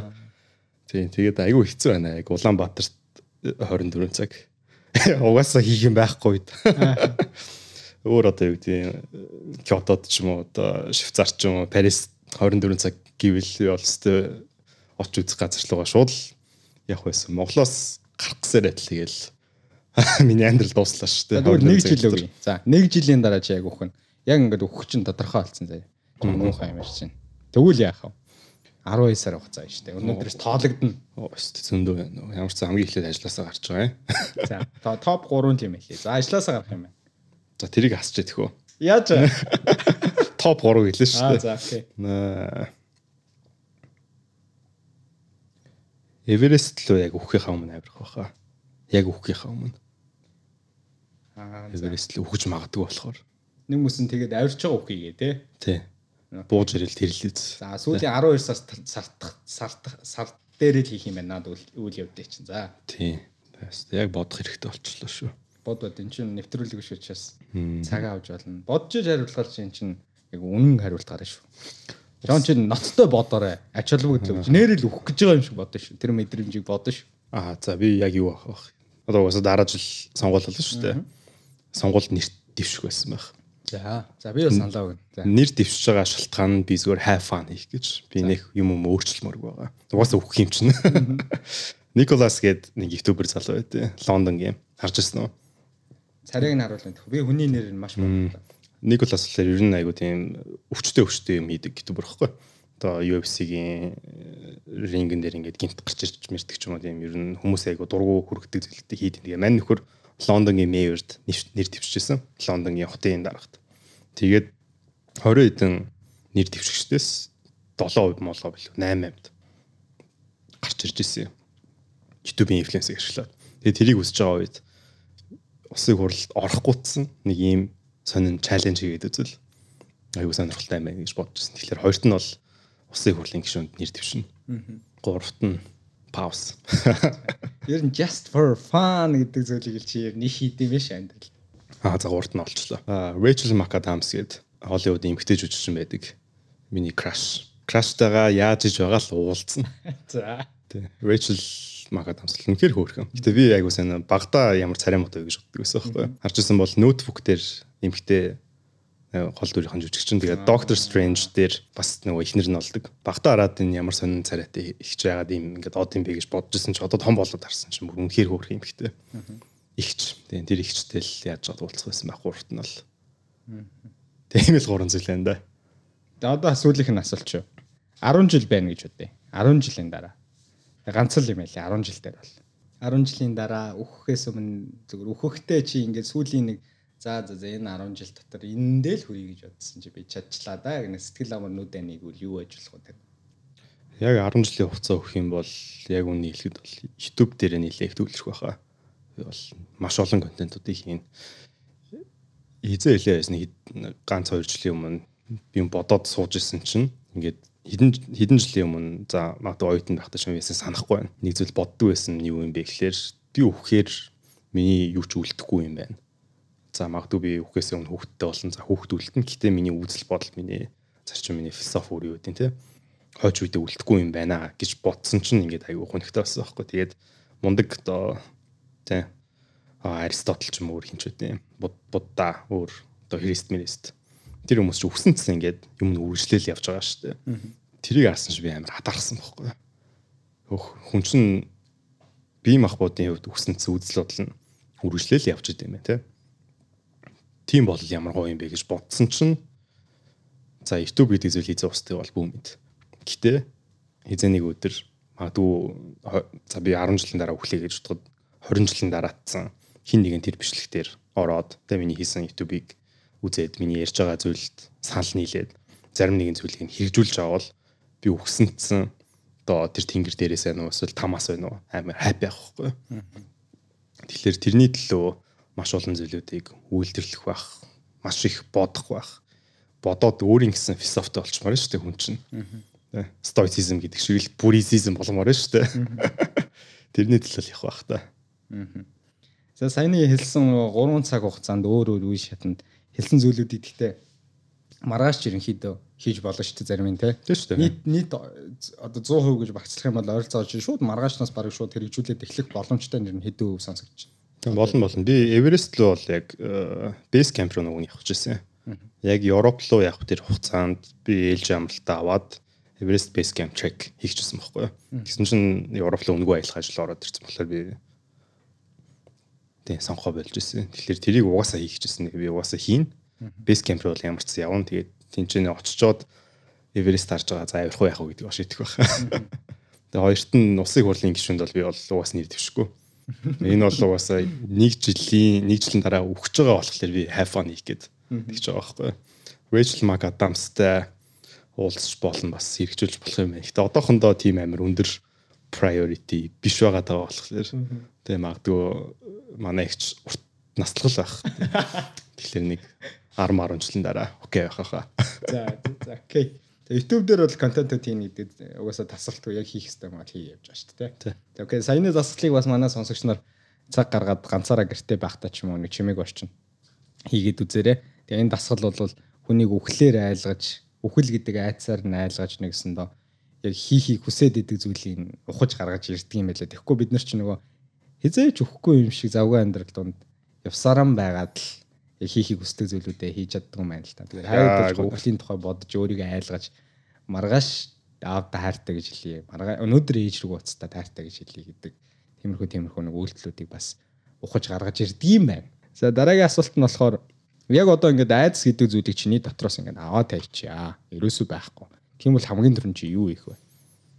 Би яг юу байсан юм аа. Тэр онгоцонд суугаад тэр хоёр онгоцны үйлчлэгч хараад Instagram-ыг асуу гэж бодчихсон байхгүй. Асуух уу яах уу ичээд байх юм аа. За нөхөртэй байх юм биш үсттэй. Жоо санаа зовмоор юм да. Өмнө нь би ерөөсөө нэг ч удаа ингээд Монгол эмгтэй хүнийг флирт хийж үзэж байгаагүй. Гэтэ үн чи айгуу сонио гадаад хүн дээр болонгууд нь ягаад ч юм би бол болоод байт юм бэлээ. Ерөөс юу ч бодохгүй. Тийм шүү дээ. Очичдээ шүү дээ. Гадаад маань тоод. Гадаад бол угаасаа тоодгүй гэдэг мэддэг. Тэгээд гайд гэдэг багтаац ингээд хөдөө мөдөө ингээд айгүй олон гадаадтай бүр зөндөө их танилцж байсан. Тэгсэн чинь яг Монгол эмэгтэй хүн дээр тулсан чинь ингээд амар айдас төрчд юм байлээ. Тэгээд ямар ч айдас байхгүй байсан бол би өчтөр ямар ч айдас байхгүй байсан бол тэр нэг онгоцны өвчлөгч охины инстаграмыг асуусан байсан байх. Манайхаа олоод өгөөрэй. Энийг гад игээд мятын групп мөрөв одоо. Баярлаа. Би нэрийг санаж байгаа шүү. Юм дээр нэрмжсэн байсан тийм. Түмэн Түмэн насан цэг бэ Тэгээд би юугаар Instagram хайсан байгаа та. Хайсан хайсан. Хайгаад байхгүйсэн бохгүй. Тэгээ Facebook дээр зайсан. Тэгээ хайгаад байхгүйсэн. Тэгэл заац. Богинохон нэрээ л аа мэн тэ. Тийм баярлаа энэ баярлаа энэ боломжийг олгож ирсэн. Тийм надад хараад бүрийг рүү бичээрэй муухай тэ. Эвтэн дөрүүлж бичих юм бас юу ч. За ямар ч байсан нэг тийм сонирхолтой хариулт байлаа наад ч өстө төсөөлөг байна шүү. Амар амар юм ярих юм бол гэж бодсон чинь. За хамтарч контент хийхийг хүсдэг ютубер байгаа юу? Тэгвэл тэр тэр нь хэн бэ? Би дахиад түшигтэй уулзах байсан баха. Түшигтэй цог яг Paris подкаст хийсэн чинь айгүй үнхээр их таалагдсан. Түшиг гэдэг хүн чинь ер нь хэр баг тийм одоо өөрийнхөө зарчим философи бла бла ярихгүй ярьдгүй шүү дээ YouTube дээр ер нь яг хаа нэг ус төр юмшлиг хийвэл хийгээл бусдаар нэг тийм одоо онцгийн сэдв нэг ярьдаггүй төрлийн хүн болохоор тэр хүнийг би өшөө илүүх ухаж гаргамаар байгаа байхгүй юу Тэгээд угаасаа төшөлтэй ингээд амьдаар нь уулзахад надад үнэхээр их таалагдсан. Үнэхээр яг одоо төшөг бол төшгөл байдаг юм байлээ. Тэгээ бас давхар хиний а уянга мэдэн шүү дээ. Хүний золбоо ТV дээр тийм ихнэр нь. Тэр уянга гэдэг эмэгтэй бол бас үнэхээр ухаалаг байсан. Тэгээд уг нь бол яг золбоотой уянгатай айл айлантай гурлаа сууж агаад юм ярих гэж бодсон боловч уянга маань хүүхдээ харах хэрэгтэй байсан болохоор чадаагүй. Тийм болохоор уянгаатай яг тусдаа бас нэг тэгж ярилцал аюу гой санагдсан. Нэр нь тэгж анзаарагддаг шүү те. Золбоо ТV дээр логин үзэхээр. Окей. За номын зохиолч юм уу дүр одоо чинь зөндөөл ном одоо чи ревю хийлээ шүү дээ. Тэр ямар нэгэн тэр номон дээрээс дүр юм уу номын зохиолч юм уу шүү. За хамтдаа өөрийнхөө YouTube дээр суужаад ингээд подкаст хийгээд өрөөд ярилцгийг хэн хэнийг өрөх вэ? Түрүү хэлсэн нэг Окамото Таро гэж нас орсон хүн тий. Тэр хүн л байсан байх тэр хүн жугаас подкаст нь хизээч амьдсэн ч нэгдэж орохооргүй тэр галзуу юм баггүй өвчтэй юм шиг. Тэгээ миний би магадгүй нэг асуулт асуулаа гэдэг хизээч миний асуултанд хариулахгүй өөр зүйл яриад л явчихаар. Тийм солиод юм шиг байна. Гэхдээ би тэр хүнд үнэхээр дуртай. За одоо хоёр асуулт үлдсэн байна. Одоо түргэн асуултууд юм аа. Нэг нь болохоор энэ одоо дагагч нар болон одоо Instagram дээр ч юм уу одоо чиний хийдэг контентуудад дуртай хүмүүсээс ерөөсөө төсөөлж байгаагүй бэлэг ирж ирсэн үү? Бэлэг үү? Бэлэг. Мм. Гүнэх ирж байгааг баха. Цөөхөн хагас жилд нэг ганц хоёр моёр. Ягаад ч миний ажлын газрыг олцсон ч явах тийм бас хилээд явчихдаг болохоор. Тэгээ нэг ирж ирсэн. Гэхдээ тэр нь тийм сонирн юм бол биш байх. Зүгээр л энгийн л Тэгээ нэг одоо ургамлын гаралтай цай маань ч юм уу. Эрүүл мэнд ч анхаарч шүү дээ. Тий. А энэ инстаграмаар хүмүүс танилцъя гэж нэлээд бичдэг үү? Яг бичихгүй гэвэл худлаа болж л та. Японд явж хад шууд амар орж ирчихсэн шүү нэг хүн. Хаана байгаа би чамтай уулзсан. Аа, уулзсан уу? Гүү юу гэж тээ. Юусэн юм чинь Японд байгаа юм байлгүй. Токиод байсан юм шүү. Гөө тэр чинь ингээд хүнлүү бичнэ гэдэг чинь өөрөө урлаг шүү дээ. Тийм ээ. Тэр чинь ингээд за ингээд дэмжлэг шүү бла бла би ингээд тий өөрийг чинь ингээд дагуулад тий юу гэдэг гоё ингээд Японы гоё гоё газруудыг үзүүлмээр байна. Мэдгүй одоо юу гэж надад таалагдах юм бэ? Сайн мэдгүй байна. Гэтэ нэг тийм захирал байстай орж ирсэн юм шүү. Тий. Уулзаатах чинь. Надад сонирхолтой л битсэн байна. 50-аас бол уулзах байсан. Би бол уулзах байсан. Бусдаас этгээд биш наад хүн чи ерөөсөө энгийн хүн бол ерөөсөө шин. За хамгийн сүүлийнх нь бүрий өөрийнхөө чи одоо YouTube сувгийг ямар нэгэн ном номын одоо жанр гэж хэлдэг ш төрөл. Гэвэл яг ямар жанр гэж үзэхүү тэгээ номын хавцын чи дүрсэлж хэлвэл YouTube сувгийг одоо ном гэж төсөөлвөл те. Тэгэл ойлгомжтой хүүхний хөгжил байгаа шүү дээ. Маас хөгжил дийлэх нь нөгөө хөгжилтэй холбоотой зүйлүүд. Одоо хүүхний хөгжил гэдэг нэр томьёо өөрөө айгүй муухай болсон юм шиг санагдаад байдэ. Мөнгө олох нэг хэрэгсэл болчиход байгаа бас тий. Тийм. Тийм болохоор юу мэрчмдээ одоо хүүхний хөгжил шин жанр гарах юм бол гоё амьдрах жанр мэдгүй хавцсан хавцсан ивэл би айгуу тийм за хүн болгон л жаргах наран дуртай байх. Тэгээ гоё жаргах нартай. Тэгээ би Африкийн тэр нэг модыг айгуу гоё гэж боддог байхгүй. Яаж л яг нэр нь яаж ч орж ирэхгүй байна гинт. Нөгөө амар том, өндөр. Тэгээд анаашууд идүүлсээр биш юунуудад а амттууд идүүлсээр байгаа чинь генийх нь нь ингээд айгуу том болцсон мод юм байл шүү дээ. Тэгээ тэр модыг идгсээр адил ингээд анааш нь ингээд хүзүүн урт болсон гэж ген дээр тайлбарлаад байдаг юм бэл. Тийм нэг бав уучлуу тийм мод өгдөө. Тэр модтой тэгээ бэкграунд нь гоё ингээд жаргаж байгаанаар ер нь би Африк үзье аюу хүсдэг байхгүй. Тийм болохоор магадгүй яг тийм тавцас өгөх байсан болов уу? Хүн чинь нэг ямар нэгэн байдлаар өөрийнхөө хүсэл мөрөөдлөө цаасан дээр ч юм уу unconsciously буулгачдаг тийм цаан чанартай шүү дээ. Тэгэхээр яг тэрийгэл дагаад тэх байсан байхаа. Тэгвэл ингэ Серенгети явах нь тий. Дээ bucket list-үүдийнх нь нэг хэсэг баг тий. Өгчихгүй л бол тэгээд гайгүй л тий. Шумуулан ууланд хазуулаад. Аарцсан гоо одоо гайх хөө. За окей. Тэгээ одоо яг контентийнхоо хэсэг рүү орё гэж бодож байна. Нилээн подкаст маань цаг орчим болж байгаа маань. Одоо ер нь контент хийгээд хүмүүсийг сонсогч нараа бид нар ингээд өөдөхгүй байнгын сонирхолтой ингээд чиний эхлүүлсэн чиний одоо нэг нэвтрүүлгийг одоо контентыг эхлүүлээл дуусан дуслаад ундаасаа таслахгүй тийгч одоо сонсогч нарынхаа сонирхлыг татна гэдэг чинь асар их авьяас байгаа шүү дээ. Хүмүүс асар их үүдэмхай болж байгаа энэ цаг үед. Тэгээ чамд одоо сүүлийн тэр хүмүүсийн сонирхлыг байнга татахын тулд юун дээр илүү анхаарч байна. Өөрийнхөө дуу хоолой дээр юм уу, нэг бол контентынхоо агуулга дээр юм уу, нэг бол тэр камерын өнцөг тэр илүү дүрсний тэр шилжилтүүд дээрээ байгаад байна. Аа. Өөртөө таалагдах та ерөөсөө. Би өөрөө өөртөө л таалагдчихвэл окей гэж бодъё гэж шийдсэн Өмнө нь болохоор ингээд айгүйх анализ хийж байгаа байхгүй юу. YouTube-ийн нөгөө нэг анализ хийдэг YouTube Studio гэдэг нэг аппликейшн байгаа шүү дээ. Тэр аппликейшн дээр болохоор яг хүмүүсийн үзэлт нь ингээд шуман графаар ингээд харагддаг. Тэ хамгийн ихний 0 дээр нь 100 байж байгаа 30 секунд болгонгууд 80 болоо. За тэгээд дуустал нь ингээд үтсэн нэг 20 30% мө гэдэг ч юм уу. Тэрийг хараад амар их бодоод л цаг хаана хүмүүс үүсгэ болчих.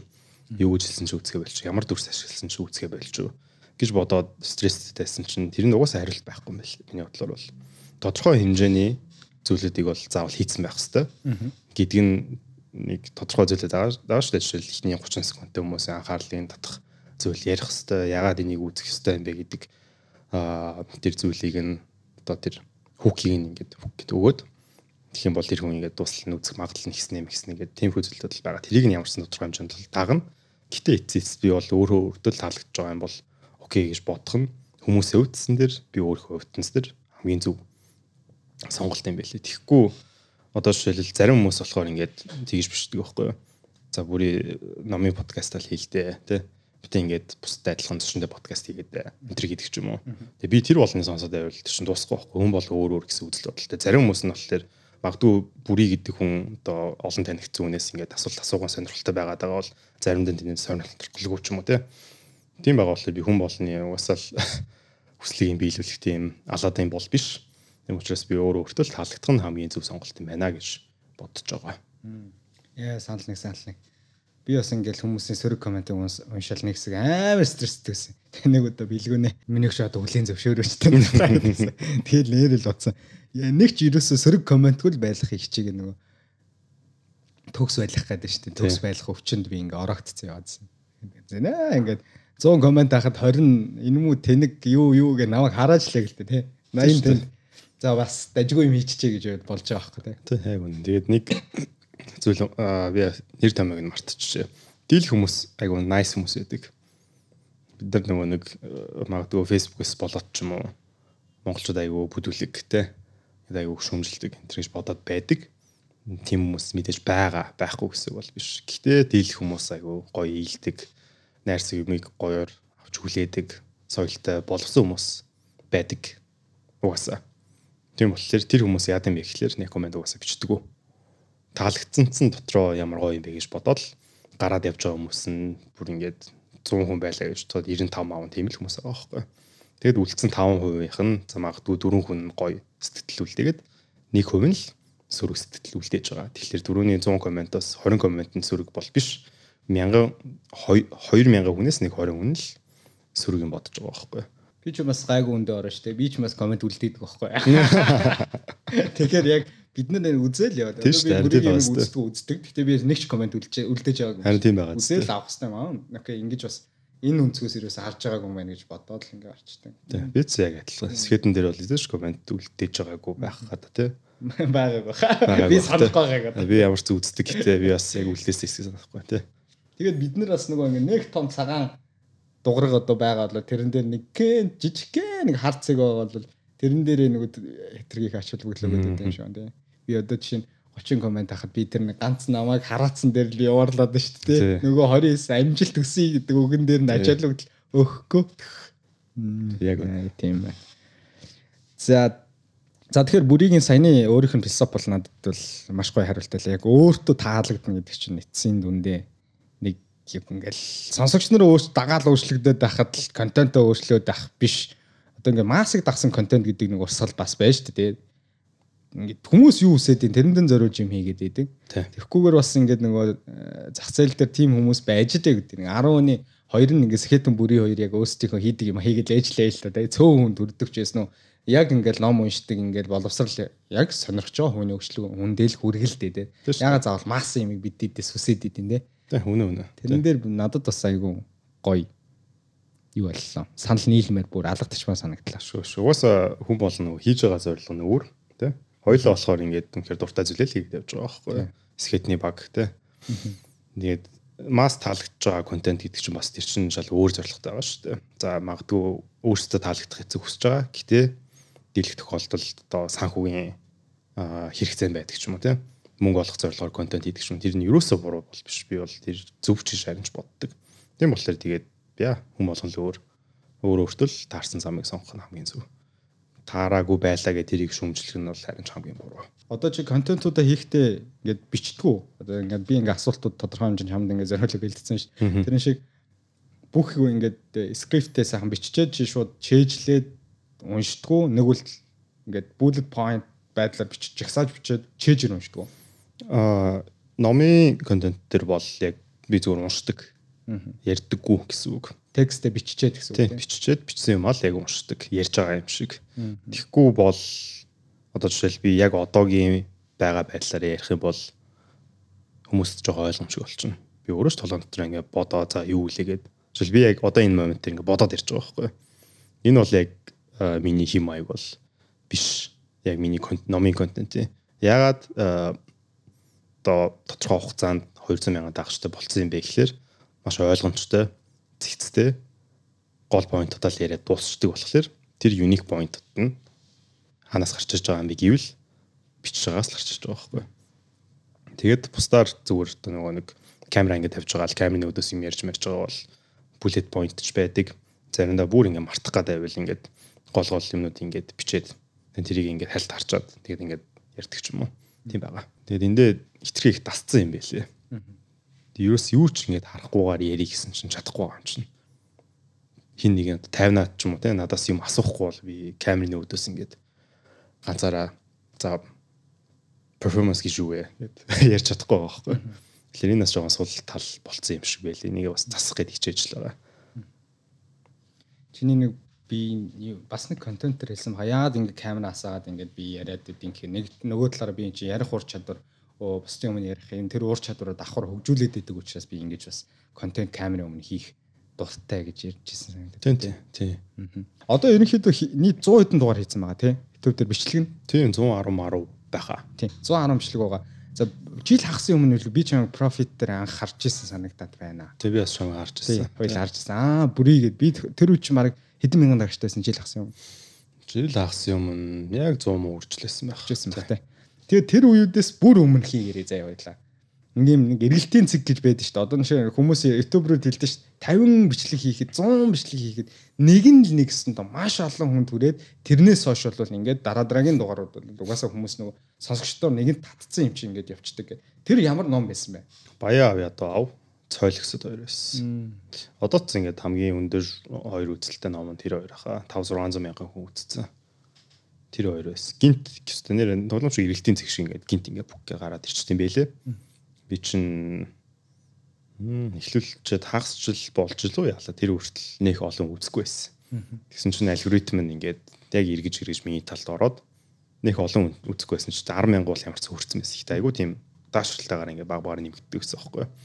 Тэгээд баяа ав ядуу ав цойлгсод хоёр гинт бүгдийг ингээд хүсэж дагуулад айл сард илээ байз 7 8 сард ч лүү 6 сард илүү за би яг сайн санахгүй байна. Гинт ингээд сард 20 30 мянган subscriber нэмэгдэжсэн юм ихтэй. Алсан шүү дээ.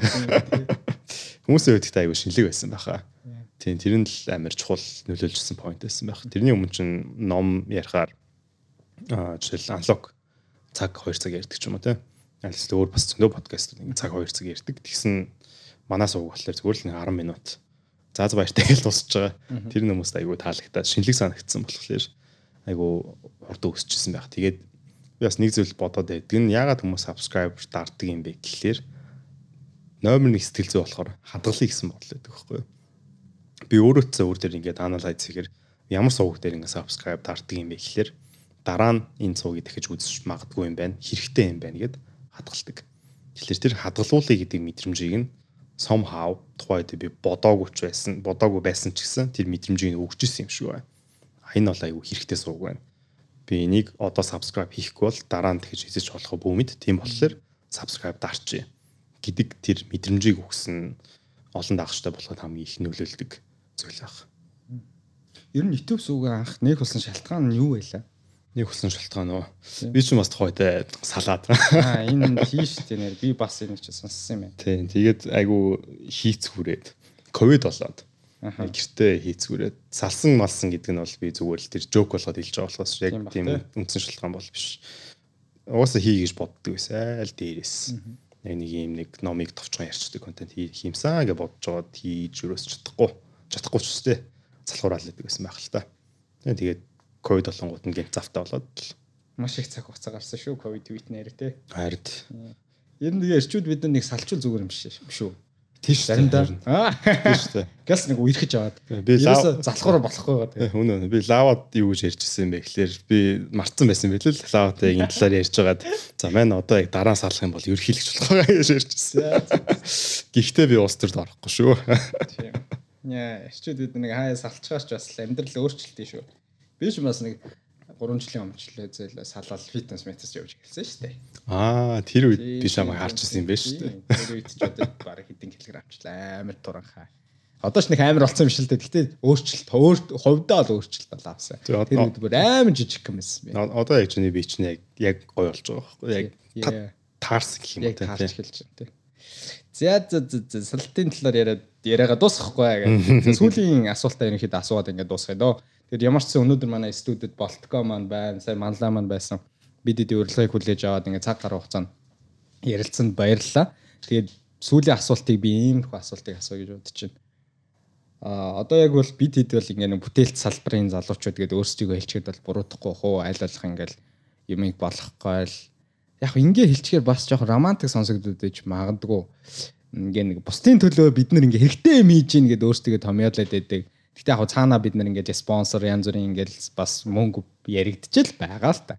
Гэхдээ бид нар энийг хийхгүй байвал чиний хэлж байгаа шиг хийхгүй байвал байж бас болно. А тэгтээ бас цаана нэг шалтгаан би дуртай байна гэдгийн цаана бусдад бас чи нэг юм өгөөд байгаа болов гэж бодож байна. Энд чинь тэгээ номтой холбоотой маш олон зүйл. Тэгээд э, чамд одоо түрүүн би нэг бэлэг ярьсан байгаа бол сонсогч нараас ч ч гэдэм юм маш тийм гоё түүхүүд ирж исэн үү.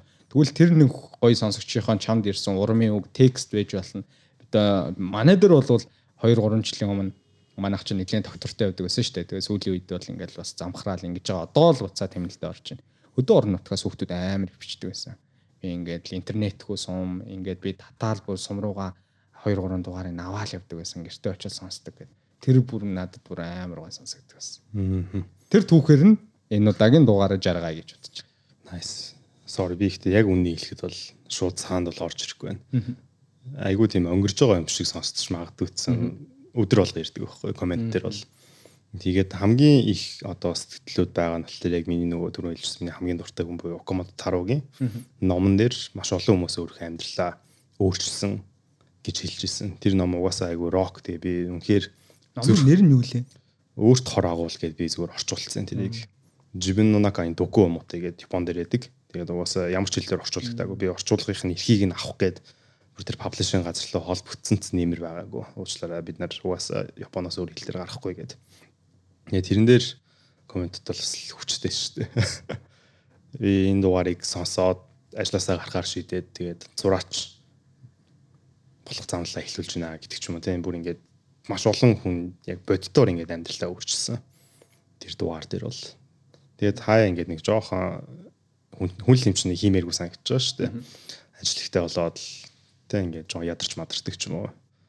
Уг нь YouTube-ээ энэ 7 хоног хийх хэрэгтэй доо за лайв ч юм уу гэдэг жоон залхуураад явж гингууд нь заримдаа яг тэр комент хэсэг рүү орохоор nice хия шууд хийлдэ өгшөө. Ингэж чадчих шүү дээ тий. Тийм л байдаг та. Окей. Тэгэхээр та та бүхэн өөрөө хариултаа олоорой тэр төслөг рүү ороод. Тийм маргааш өглөө ажил дээр очичоод өглөөг эхлүүлэх нэг тийм хэсэг өгдөн штэ кофе уудаг ч юм уу яадаг чинь маргааш яг чиний наадах чинь сонсож эхлүүлнэ. Би бол сонсоогүй дугаар. Тэгээрээ тэгээрээ. Тэгээд ажлаасаа гарчих واخа. Ажлаасаа гарчих واخ. Яа на манай компаниас дампуурхан дээр нэг. За за окей. Баярлалаа огшон. Тэгээд цаг гаргаж ярилцсанд баярлалаа. Тэг битээр одоо камера хаачаад камерны цаана жинхэнэ ирчүүд яриа ярих болно. За энэ удаагийн дугаарыг цаг гаргаж сонсон сонсогч та бүхэндээ дуусан дуустал сонссон. Сонсогч та бүхэндээ баярлалаа. Дараа дараагийн дугаараар дахин уулзтлаа. Түр баяртай.